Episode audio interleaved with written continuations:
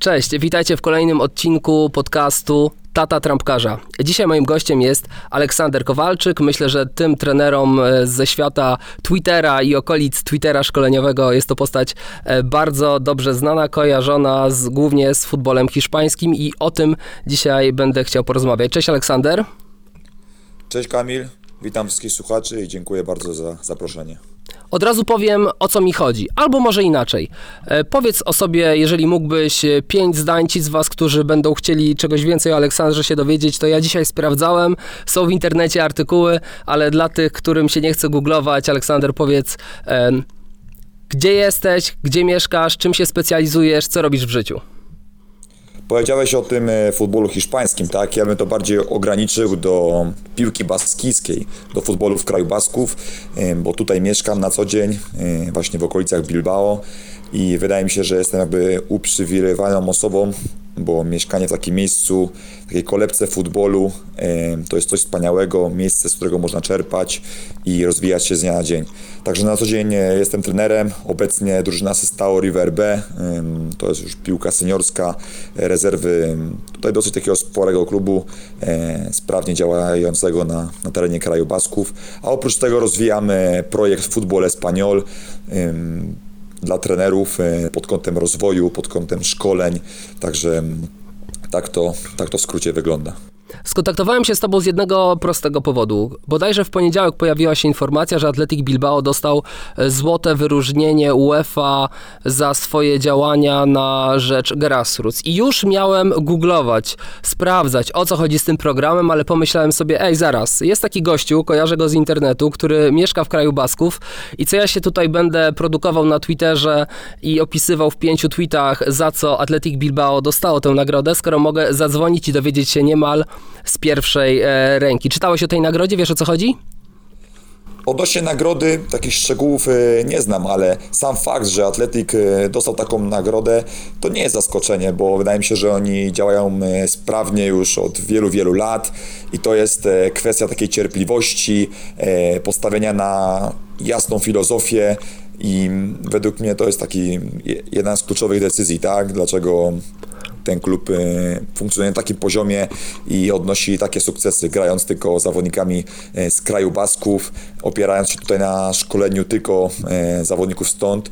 Przypomnijmy, że kraj Basków to tylko 3 miliony mieszkańców i pole manewru, manewru jest dosyć ograniczone, więc e, moim zdaniem to jest e, du, duże wyrazy uznania dla tego klubu, że tak działają i ta nagroda jest tylko jakby mm, takim, no jedną, jedną z e, wielu, wielu rzeczy, które oni osiągnęli i wydaje mi się, że to nie jest jeszcze, jeszcze koniec ten program, za który oni dostali tę y, złotą, złoty medal, złotą nagrodę, pierwsze miejsce, przepraszam, nie, nie znam języka hiszpańskiego ani baskijskiego, ale to bodajże się nazywa Aterpe, czyli schronisko, dobrze, dobrze rozumiem? Czy Możliwe. No ja teraz baskijskiego się powoli uczę, e, mhm. takie podstawowe słowa, bo jednak, żeby tutaj funkcjonować w tym środowisku, to zawsze inaczej też ludzie na ciebie patrzą, tak? Jeżeli e, mówisz nie tylko po hiszpańsku, ale też w tych e, rodzinnym im języku, więc, więc tak, jakby to jest też sporo dla nich wyróżnienie i też wydaje mi się, że motywacja do dalszej pracy. Oni, UEFA argumentowało to tym, że e, Bilbao, Athletic Bilbao świetnie troszczy się o bodajże 150 klubów e, grassrootsowych i dba o to, by dzieci tam się e, dobrze rozwijały. Ty pewnie możesz z pierwszej ręki, z pierwszego oka obserwować, jak ta współpraca wielkiego klubu z małymi klubikami grassroots wygląda. Powiedz coś więcej. Dokładnie, powiedziałeś o słowie współpraca, tak? I wydaje mi się, że to jest słowo klucz. E, to nie jest tylko na zasadzie, że Atletik e, wybiera tych e, uzdolnionych zawodników do siebie i to wszystko, tylko też daje sporo rzeczy w zamian. Przykładowo wczoraj w moim klubie Sestao River, bo to też jest klub partnerski, mieliśmy szkolenie z psychologiem, tak, z atletyki, też dbają o rozwój trenerów w tych klubach partnerskich. Uważają, że czym lepsi trenerzy będą w tych klubach partnerskich, tym wyższy poziom szkolenia i też tym lepsi będą zawodnicy, będą mogli wtedy ściągać e, do swojego klubu. Oprócz tego też współpraca na zasadzie e, metodologii, mają po prostu bazę trenerów e, ściśle zakontraktowanych pod kątem klubów partnerskich, tak, którzy raz, dwa razy w tygodniu są na boisku w różnych klubach, no i też kontrolować tych te 150 e, klubów około, bo to cały czas się zmienia, nie jest łatwo, tak, więc też oni prowadzą ranking klubów partnerskich i w zależności od tego, ile dany klub e, partnerski produkuje e, tych zawodników rok do roku, tym dają więcej trenerów, e, poświęcają więcej cza- czasu, ale jakby każdy, każdy z tych klubów, nawet najmniejszy, może się czuć częścią tego projektu, tak? To jest, wydaje mi się, że klucz do tego, że atletyk to jest ten czubek piramidy, tak? To, co się, właśnie o, o czym się mówi, to, co widać, ten rezultat tych zawodników na najwyższym poziomie, ale ta podstawą pracy, ta podstawa tej piramidy, tak, jest dużo, dużo niżej. I to, że w tych klubach partnerskich jest tyle zawodników, tyle boisk na takim poziomie sprawia, że oni mają po prostu w czym wybierać i nie kontrolują tylko 20 zawodników w danym roczniku, e, tylko można powiedzieć, że w każdym roczniku mają bazę kilkuset zawodników, z czego mają wybierać. I to według mnie jest taki jeden e, z czynników, który wpływa na, na bardzo wysoki poziom szkolenia. Wydaje się, że to jest właśnie to myślenie, do którego my w Polsce powinniśmy dojrzeć, że ta elita e, tych kilkunastu, kilkudziesięciu najlepszych zawodników w roczniku w kraju, e, to, nie, to nie jest to, na czym powinniśmy się skupiać, że powinniśmy się skupiać, tak jak wspomniałeś, na, na spodzie piramidy, bo im więcej dzieci będzie miało frajdy, im więcej dzieci będzie trenowało, tym ten lejek u góry będzie szerszy i tych większa liczba chłopaków będzie tam e, trafiała. Czy tak jak obserwujesz to, jak wygląda w kraju Basków, to tam to tak zawsze wyglądało? Czy przyszli jacyś e, mąd- mądrzejsi ludzie i postanowili wprowadzić swoje zmiany? Wiesz co? Wydaje mi się, że w kraju Basków też różnica jest taka pod kątem innych rejonów Hiszpanii, też y, Polski, że mm, ludzie, zawodnicy, piłkarze dużo bardziej się identyfikują tak, z tym projektem, z tym klubem. Dla każdego zawodnika w kraju Basków, no wiadomo, też jest podział na Real Sociedad, inne części, ale w większości tutaj tego regionu Biskaja ym, głównym marzeniem jest to, żeby zagrać kiedyś w Atletik, tak, więc ci trenerzy czy prezesi mniejszych klubów idą w jednym kierunku, tak? Wszyscy chcą, żeby ten atletik e, miał jak najlepszych zawodników, więc oni szkolą na atletik, tak? A wydaje mi się, że w wielu innych miejscach jest na zasadzie rywalizacji, że ym, nie oddam zawodnika, bo bo wolę mieć go w swoim klubie, ale też trzeba bardziej patrzeć długofalowo, tak? Ym, Co tracę, a co zyskuję w danej decyzji, więc tutaj wydaje mi się, że wszystko jest tak uporządkowane pod kątem jednego celu, e, wszyscy idą w jednym kierunku i wtedy dużo łatwiej o po prostu lepszy wynik i, i to też widać na przykładzie właśnie kraju Basków. Mówiłeś o tym oddawaniu zawodników. Chciałem się ciebie zapytać, jak wygląda organizacja piłki dziecięcej i młodzieżowej w kraju Basków, bo to oddawanie zawodników moim zdaniem jest trochę pochodną wynikomanii, że nie oddam ci zawodnika to dlatego, że spadnę do ligi niżej. E, I jak, jak ta e, organizacja albo nie awansuje? Po prostu będzie moja drużyna gorsza. Jak ta organizacja piłki dziecięcej i młodzieżowej tak formalnie? Są ligi, e, turnieje, jak to wygląda? Są normalnie ligi, tak, też z podziałem na futbol escolar, czyli taki futbol, można powiedzieć, szkolny i futbol federado, czyli bardziej już e, od 14 roku życia, e, bardziej pod kątem spadków i awansów. W tym futbol escolar są normalnie ligi, ale nie ma mm, spadków i awansów, e, są zwycięstwa. Też nie do końca się zgadzam z tym, że mm, w tych najmłodszych latach liczy się tylko dobra zabawa, że zawodnicy powinni się po prostu cieszyć grą, trzeba też ten kształcić ten gen zwycięzcy, żeby oni już od najmłodszych lat e, chcieli wygrywać. E, tutaj w tych e, najmłodszych rocznikach, jeżeli pójdziesz na jakiś mecz, jest taka napinka, rodzice też tak dopingują, żyją tym meczem, więc ten zawodnik już od najmłodszych lat jest przyzwyczajony do tej presji i też potem na dużo większym ludzie wychodzi w wieku 18-19 lat, jeżeli poprzez tyle, tyle lat już grał na tym obciążeniu też y, psychicznym. Pytałeś się na temat tej współpracy, tak jak to wygląda. Jeżeli Atletik wyciąga jakiegoś zawodnika, to też to nie jest tak, że nie daje niczego w zamian, bo oni rok do roku oddają kilku zawodników e, właśnie do klubów partnerskich i jest na zasadzie wymiany, tak? Oddajemy kogoś z atletyk do klubu partnerskiego, do mniejszego klubu, ale też ten zawodnik ma świadomość, że cały czas jest monitorowany, że cały czas ma e, furtkę powrotu, może wrócić do e, tego największego klubu, ale uważają, że mm, w tych klubach partnerskich oni też się rozwijają, dlatego też dbają tak o to szkolenie, dbają o poziom tych klubów, żeby mm, na jak najwyższym poziomie one pracowały, bo to też się przełoży na, na jakość e, właśnie szkolenia w Atletic Bilbao. E, Powiedz mi, czy dzieciaki w kraju Basków e, mają czas na, na, na zabawę i nagranie takie podwórkowe, czy jednak ta liczba klubów, czy wygląda to tak jak w Polsce, tak? Bo w Polsce coraz trudniej spotkać dzieciaki, a to dlatego, że piłka podwórkowa przeniosła się trochę do klubów i dzieciaki mają 3-4 treningi w tygodniu, więc już nie mają trochę czasu na to, żeby pójść i pograć pod blokiem. Jak to wygląda w kraju Basków? Tak, ten słynny futbol de la calle coraz bardziej odchodzi, tak? Coraz mniej można powiedzieć, że widać tych obrazków, aczkolwiek wydaje mi się, że tutaj cały czas to jest obecne, tak? Przede wszystkim wydaje mi się, że generalnie społeczeństwo w Hiszpanii ma dużo większą swobodę, tacy są duża większa kreatywność, tak? Też to wynika z tego, że e, często te dzieciaki są zostawiane po prostu na ulicy pod blokiem, grają sobie, a a rodzice idą do baru napić się winka czy kawki i też często można spotkać, że mm, o godzinę 22, 23 czasami w piątek, sobotę e, idziesz sobie, a tutaj po prostu dzieciaki cały czas grają w piłkę. To też e, uwarunkowania kulturowe, em, pogodowe też wpływają na to, prawda? Nie ułatwiają em, porównując do Polski, aczkolwiek wydaje mi się, że też inna mentalność, tak? Ci zawodnicy mają dużo większą swobodę, no i dopiero potem wchodzą gdzieś te ramy, tak? Nie do końca są zamykani tak od razu od najmłodszego mm, wieku. Też e, ciekawa rzecz odnośnie szkolenia w Real Sociedad, tak? O tym też e, warto wspomnieć, że oni mają też inną filozofię, że dopiero zaczynają szkolenie od 12 roku życia, tak? Trochę, może nie od 12, tylko od 13, tak, nawet y, rok później, to też to jest ewenement, wydaje mi się, na skalę też y, światową, że y, wchodzisz dopiero do Akademii Profesjonalnej od 13 roku życia, a wcześniej jest ten wielodyscyplinowość, tak, uprawiasz wiele dyscyplin, to też wpływa na twój rozwój koordynacyjny i dzięki temu też się rozwijasz na, na wielu obszarach. A to jest w ogóle miód na moje serce, mój konik. Ja wiesz, jak, jak gdybym mógł, to mógłbym właśnie o multisporcie e, całymi, e, całymi godzinami, więc fajnie, że zacząłeś e, ten temat.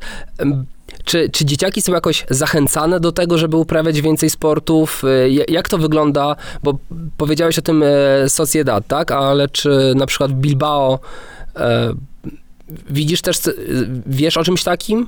Jak, jak to jest z tym zachęcaniem dzieci e, do multisportu? Bo wydaje mi się, że e, ta coraz wcześniejsza specjalizacja i coraz wcześniej e, takie przeświadczenie, że im wcześniej nauczę dzieci tych zwodów i im szybciej one odskoczą rówieśnikom, tym potem będzie im łatwiej.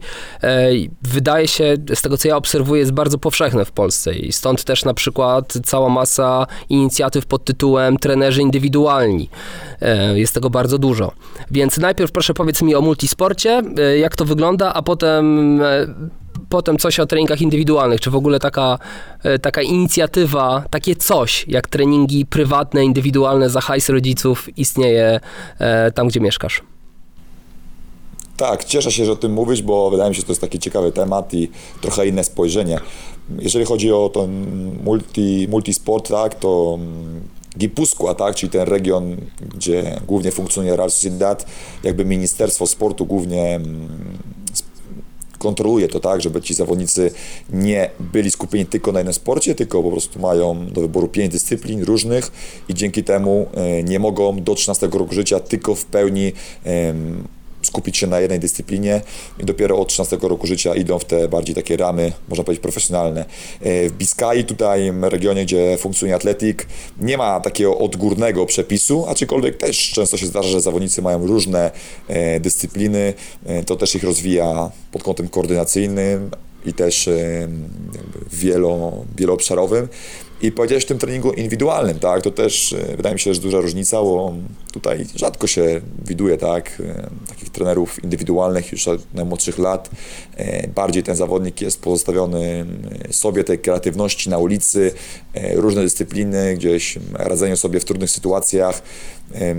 Niż właśnie już takiej specjalizacji od najmłodszych lat, tak. Często się wydaje, że czym wcześniej zaczniemy tą specjalizację, tym lepiej, tak, a nie do końca tak jest, bo też warto, żeby ten zawodnik miał swoją przestrzeń, swój czas na próbowanie różnych rzeczy, na eksperymentowanie i dopiero w tym późniejszym wieku móc, móc się jasno określić, w którym kierunku chce iść, tak? Także mi się to bardzo podoba i, i też wydaje mi się, że w tym, w tym kierunku coraz to e, bardziej powinno to iść. Jasne, to e, mi się też tak wydaje, nie? że nauczyć dziecko pięciu zwodów, skupić się na tych pięciu zwodach przez w ciężkiej pracy przez pół roku i ono naprawdę dostaje duży handicap w porównaniu do rówieśników.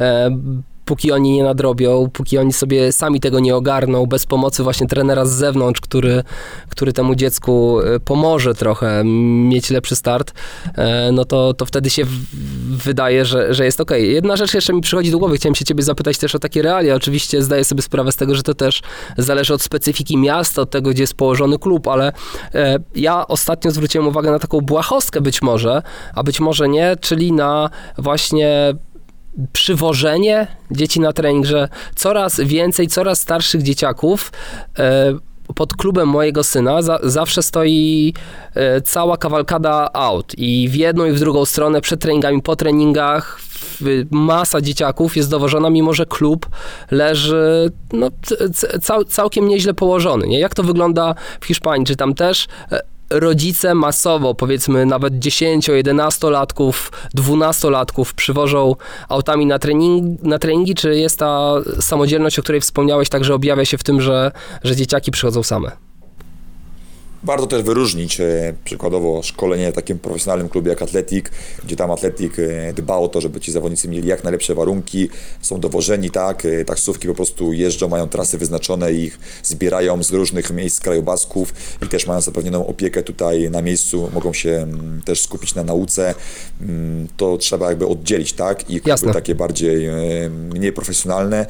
I No też sobie nie wyobrażam, żeby, żeby do Legii na przykład na Łazienkowską jechali z Tarchomina chłopakami, chłopaki autobusami. No to, to znaczy, no to, to wiadomo w takich sytuacjach. Bardziej mówię właśnie o poziomie grassroots i o tej takiej samodzielności, samodzielności dzieci. No to jest Ale w tych mniejszych klubach rzadko się zdarza, że zawodnik gra w jakimś klubie i musi daleko dojeżdżać, tak? Bo to jednak jest czas, więc na ogół jest tak, że trenuje w jakimś klubie gdzieś obok.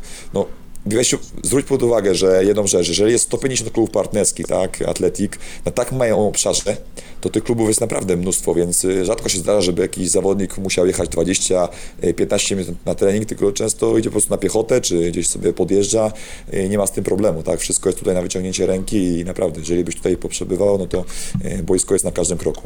Słuchaj, a propos multisportu, to ostatnio w Polsce głośno było o, niestety jest głośno o kontuzji Jakuba Modera, który zerwał e, więzadła krzy, krzyżowe przednie. E, trochę poczytałem na ten temat i jednym z argumentów, jednym ze sposobów tego, aby tej kontuzji się w przyszłości nie nabawić, jest właśnie uprawianie wielu sportów. Inni też mówią, że to na przykład kwestia sztucznych boisk. Najpierw powiedz o, o tych sztucznych boiskach, bo wiem, że w Hiszpanii e, dużo dzieciaków gra na sztucznych boiskach.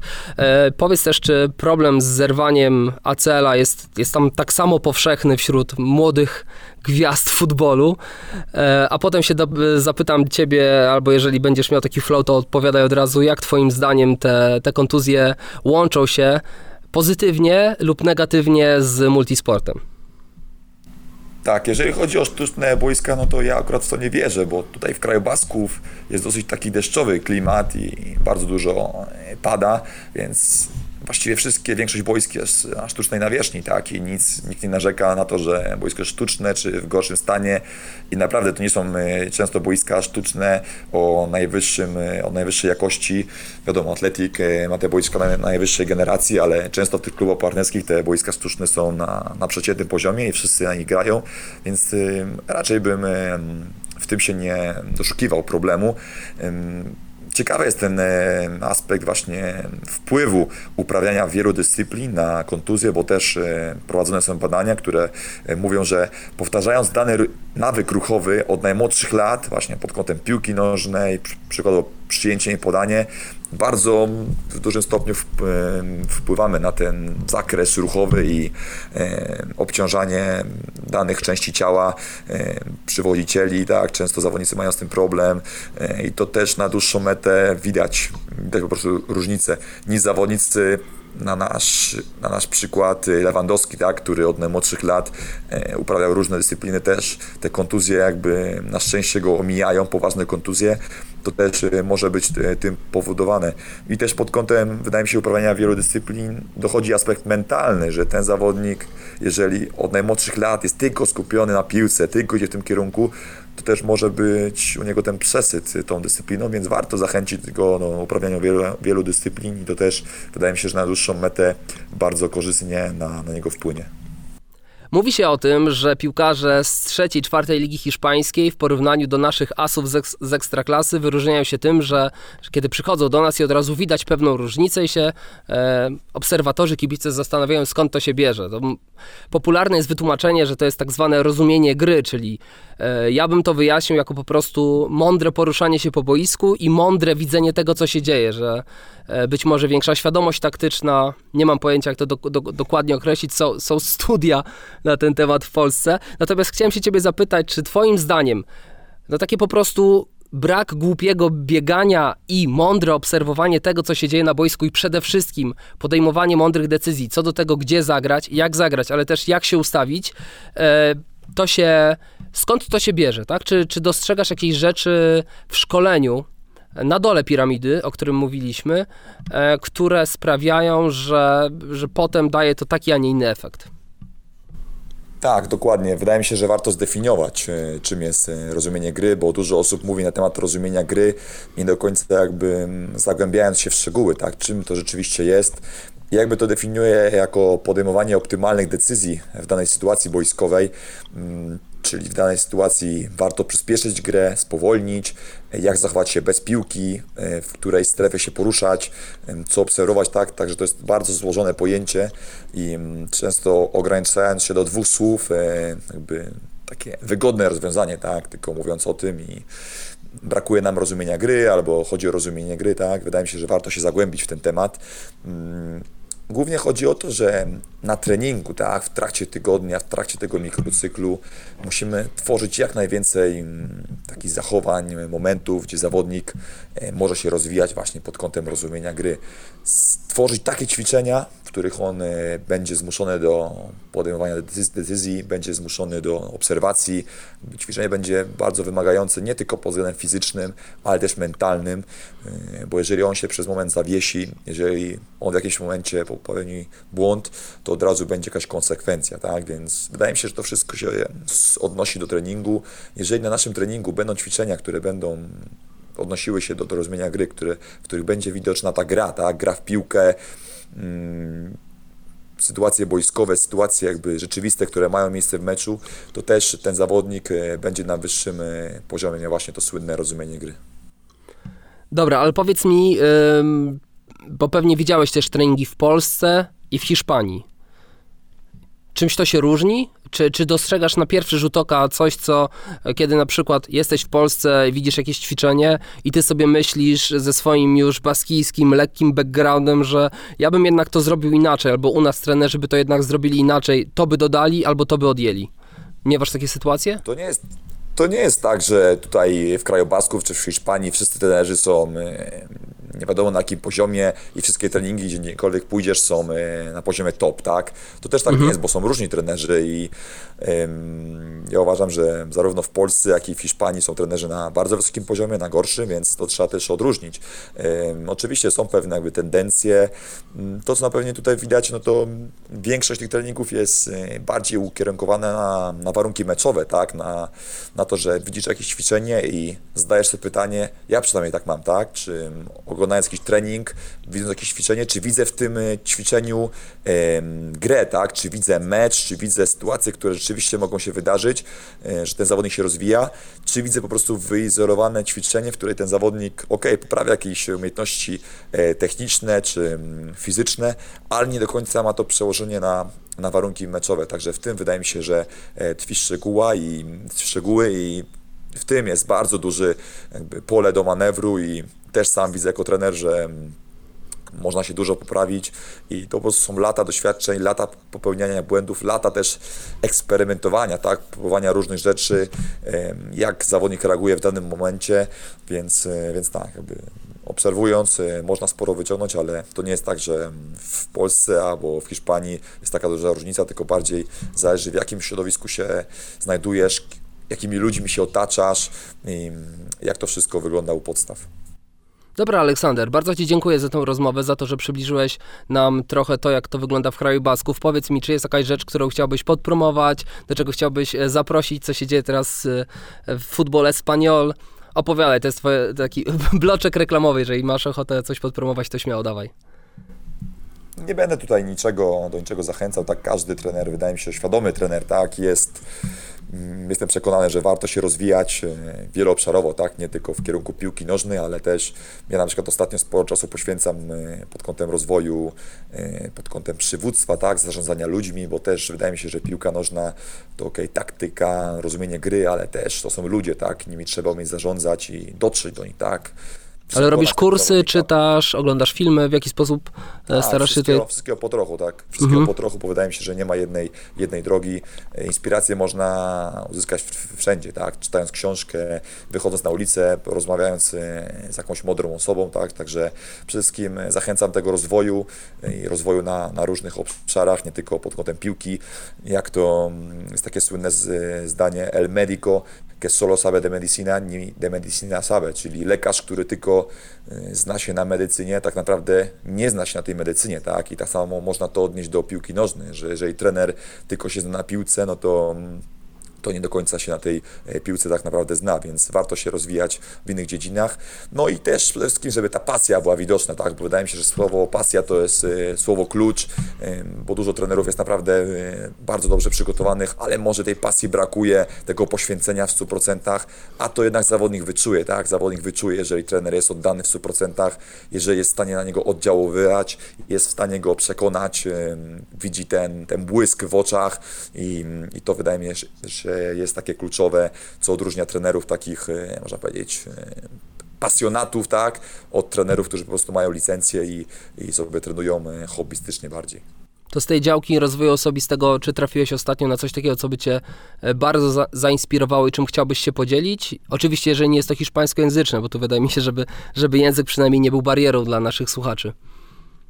Polecam e, nurt e, filozofii greckiej stoicyzm, tak, to też e, pewnie dla wielu osób jest dosyć znane, e, też jako pod kątem życia, pod kątem postrzegania rzeczywistości, żeby skupiać się na tym, co jest tu i teraz, być skupiony na tym, na tym momencie, nie wybiegać za, za bardzo w przyszłość, co będzie za kilka lat, gdzie będę, w jakim momencie, albo gdzie byłem, tak, co się wydarzyło, tylko Najważniejsze jest to, co jest tu i teraz, żeby cieszyć się tym momentem, gdzie jesteś, łapać tego jak największą przyjemność i po prostu robić, robić to w jak najlepszy sposób, nieważne na jakim poziomie jesteś.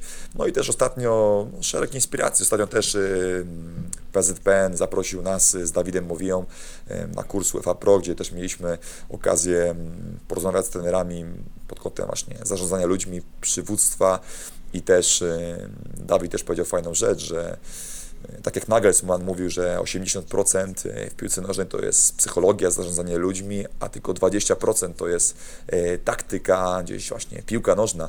I wydaje mi się, że w piłce bardzo mało możemy już e, wynaleźć rzeczy na nowo, tak? Okej, cały czas pojawiają się nowe tendencje, ale to jest gdzieś ograniczone, tak? To są takie detale, które można poprawić pod kątem przygotowania fizycznego. Cały czas zawodnicy są e, przygotowani coraz lepiej e, technicznie, e, motorycznie, też e, fizjologicznie, ale umysł, ta głowa tego zawodnika to jest pole, gdzie można naprawdę bardzo dużo poprawić e, poprzez właśnie jak do niego dotrzeć, jak go zrozumieć, jak go przekonać, czym go zainspirować. To wydaje mi się jest takie pole do, do bardzo dużego rozwoju, gdzie my jako trenerzy możemy się bardzo jeszcze dużo poprawić. Bardzo dziękuję Ci, Aleksander, za, za czas poświęcony i za, e, za to, że byłeś gościem e, podcastu. E, to było chyba 14, nieważne który. To był kolejny odcinek podcastu Tata Trampkarza. Moim gościem był Aleksander Kowalczyk. Dzięki. Ja dziękuję bardzo za zaproszenie i mam nadzieję, że dla wielu trenerów będzie to jakaś inspiracja do dalszego rozwoju. Dzięki. Do usłyszenia.